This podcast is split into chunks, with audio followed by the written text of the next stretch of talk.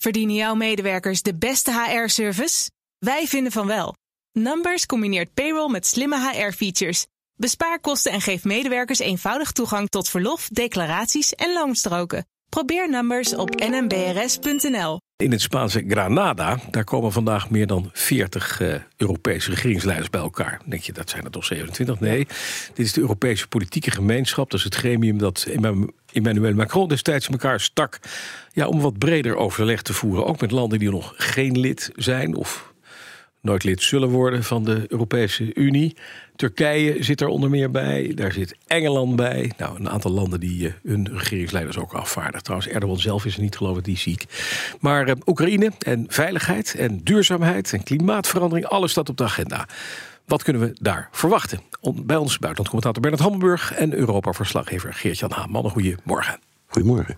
Allereerst eventjes naar uh, Oekraïne, als het mag. Uh, Geert-Jan, want jij hebt er altijd een goede, goede, goede, goed zicht op. Wat is het laatste nieuws van vannacht? Nou, vannacht toch ook weer drone-aanvallen op Oekraïne. Uh, zeker 30 drones afgevuurd vanaf de Krim en de oostelijke kust van de zee van Azov. En Oekraïne zegt dat ze het merendeel hebben mee, neergehaald. Hm.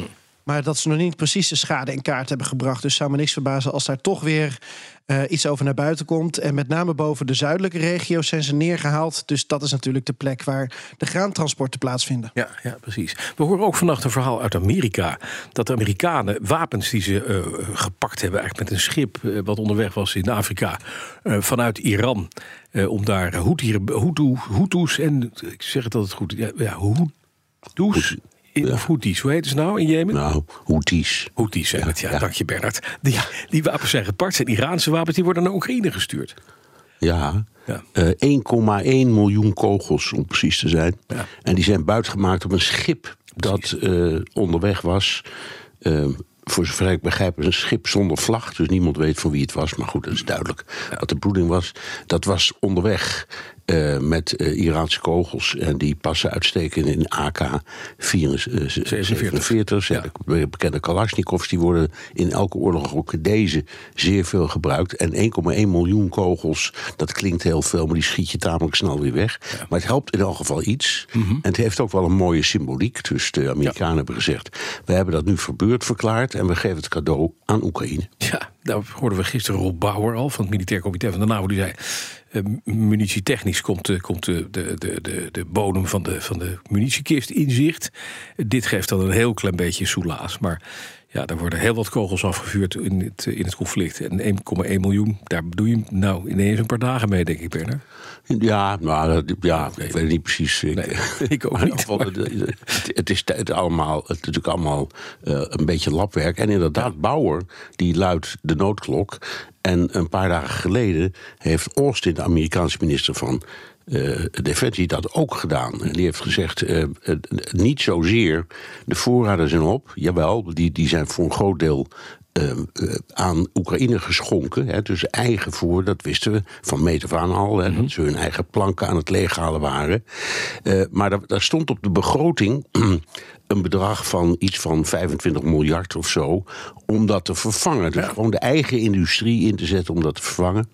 En dat potje is inmiddels bijna leeg. Er zit nog maar 1,6 miljard in.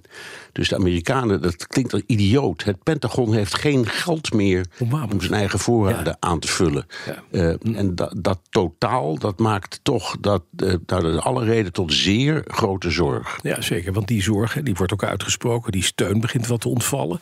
Ik riep even wat andere landen. Polen, Hongarije, Slowakije, Mexico gisteren kwam ineens. En nu, Geert-Jan, hebben we vandaag die 40 of 44 regeringsleiders uit Europa en omstreken bij elkaar.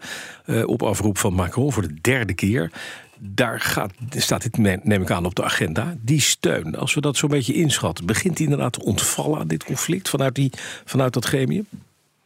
Jij noemde vanuit Europa, noemde je Polen, Hongarije, Slowakije volgens ja. mij in je introductie. Ja. Nou, Hongarije wisten we al dat die eigenlijk Tuurlijk. niks deden. Um, en ik heb even gekeken naar de militaire steun op dit moment aan de Oekraïne. Nou, uh, Slowakije uh, heeft ook niet zoveel gegeven en heeft ook niet zoveel meer. Dus dat dat wegvalt is niet zo heel groot.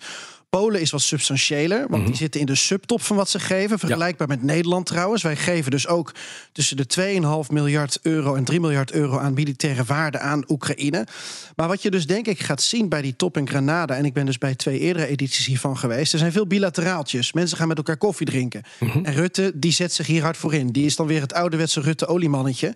En die gaat denk ik met landen als Bulgarije en Griekenland om tafel. Ja. Landen die de afgelopen weken, maanden hebben aangegeven wel meer militaire steun aan Oekraïne te willen geven. Want die zijn weer van regering veranderd of hebben een ander inzicht gekregen. Dus ja. wat Europa betreft, wat pure militaire steun betreft, zie je aan beide kanten verandering. Ik denk dat dat belangrijk is om te benadrukken. Zeker de Grieken hebben ongelooflijk veel. Maar het staat in het niets met wat Amerika doet. Ja, zeker. Want Bernard, als we dat nou hebben, dit, zou dit, deze bijeenkomst ook een, een, een signaal kunnen zijn naar de Amerikanen om misschien te zeggen: Nou, nou als het zelf oppakken, hoeven wij niet zo nodig? Nee, nou, wat dat betreft is er ook wel enige reden tot zorg. Biden mm -hmm. heeft um, nu, uh, ja, vannacht onze tijd, aangegeven dat ook hij uh, uh, toegeeft dat er alle reden is om zich zorgen te maken over de, de Amerikaanse houding. Ja, Naar aanleiding ja. van, ik zal maar zeggen, de, de, de politieke crisis in het congres, hè, het aftreden van McCarthy, dat hele verhaal. Daar speelt uh, het hulpprogramma voor Oekraïne een enorme rol in. En um, Biden zegt nu zelf: ja, dit, dit loopt zo uit de hand dat ik ga me grote zorgen maken. Dat ik in, in eigen land de zaak nog wel voor elkaar krijg. Hij heeft aangekondigd daarom een hele belangrijke toespraak over te gaan houden. En ook laten doorschemeren dat hij misschien nog wel alternatieven heeft. En die zijn er ook. Want uh, Amerikaanse presidenten die hebben, zoals je weet, geen geld. Hè. Alles wat ze uitgeven, daar moeten ze toestemming voor vragen. Maar er is altijd iets dat heet een, een iets van een, uh, van een, een discreet fonds, letterlijk vertaald. En dat, dat, daar kan de president uit putten. Ja. Dus het zou me niets verbazen als je zou zeggen: Nou ja, ik heb zelf nog een spaarpotje. Dat steek ik hierin. Ja. Ehm, en hij wil toch een offensief beginnen om zich te richten op de, het deel van de Republikeinen dat wel voor hulp is. En dat is nog steeds een behoorlijk aantal. En zijn eigen democraten. En dan te komen met een nieuw voorstel uh, in het congres. Dus hij is met een campagne begonnen. Maar het feit dat Joe Biden zelf zegt, wat wij nu al weken roepen: van pas op, aan die Amerikaanse hulp kan best eens een eind komen. Ja. Hij zegt dat nu zelf ook. Ook. Ook geen leuk verhaal. Nee, ik Maar- denk. Ja, Geert-Jan. Nou, ik vroeg me af, Bernard. Tegelijkertijd, vorige week had eh, Bernard te gast in BNR De Wereld, eh, militaire historicus. En daar hadden we het ook even over de rol van Amerika. Maar Chris Klep zei ook: geef Oekraïne nou in feite nog een jaar. En dan kan er echt een hele andere dynamiek zijn. Zo analyseerde hij dat in het kort. En daar komt het dus op neer dat Biden misschien dat ook denkt. Die heeft ongetwijfeld naar de uitzending geluisterd. En die dacht van. ehm, ik moet ervoor zorgen dat Oekraïne nog een jaar heeft. Ehm, en dan kan het misschien toch anders zijn. Ik- zou, zou dat niet kunnen spelen, eh, Bernhard? Dat Biden denkt van ik moet toch nog even, even doorgaan. Ja, ja, zeker. Vandaar, de- de- ik denk dat dat een, een belangrijk deel van de toespraak wordt.